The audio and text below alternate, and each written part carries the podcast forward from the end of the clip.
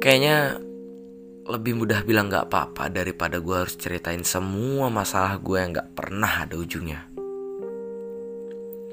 Gue kadang memang butuh tempat untuk cerita, tapi gue juga gak mau kalau nantinya cerita gue ini jadi nambah pikiran mereka. Karena itulah sedikit banget orang yang bener-bener tahu kondisi gue. Dan berkat itu semua, gue jadi terbiasa untuk bilang gak apa-apa ketika ada masalah. Sampai akhirnya gue udah bisa nikmatin segala rasa sakit. Dan gue gak perlu cari siapa-siapa ketika ada apa-apa.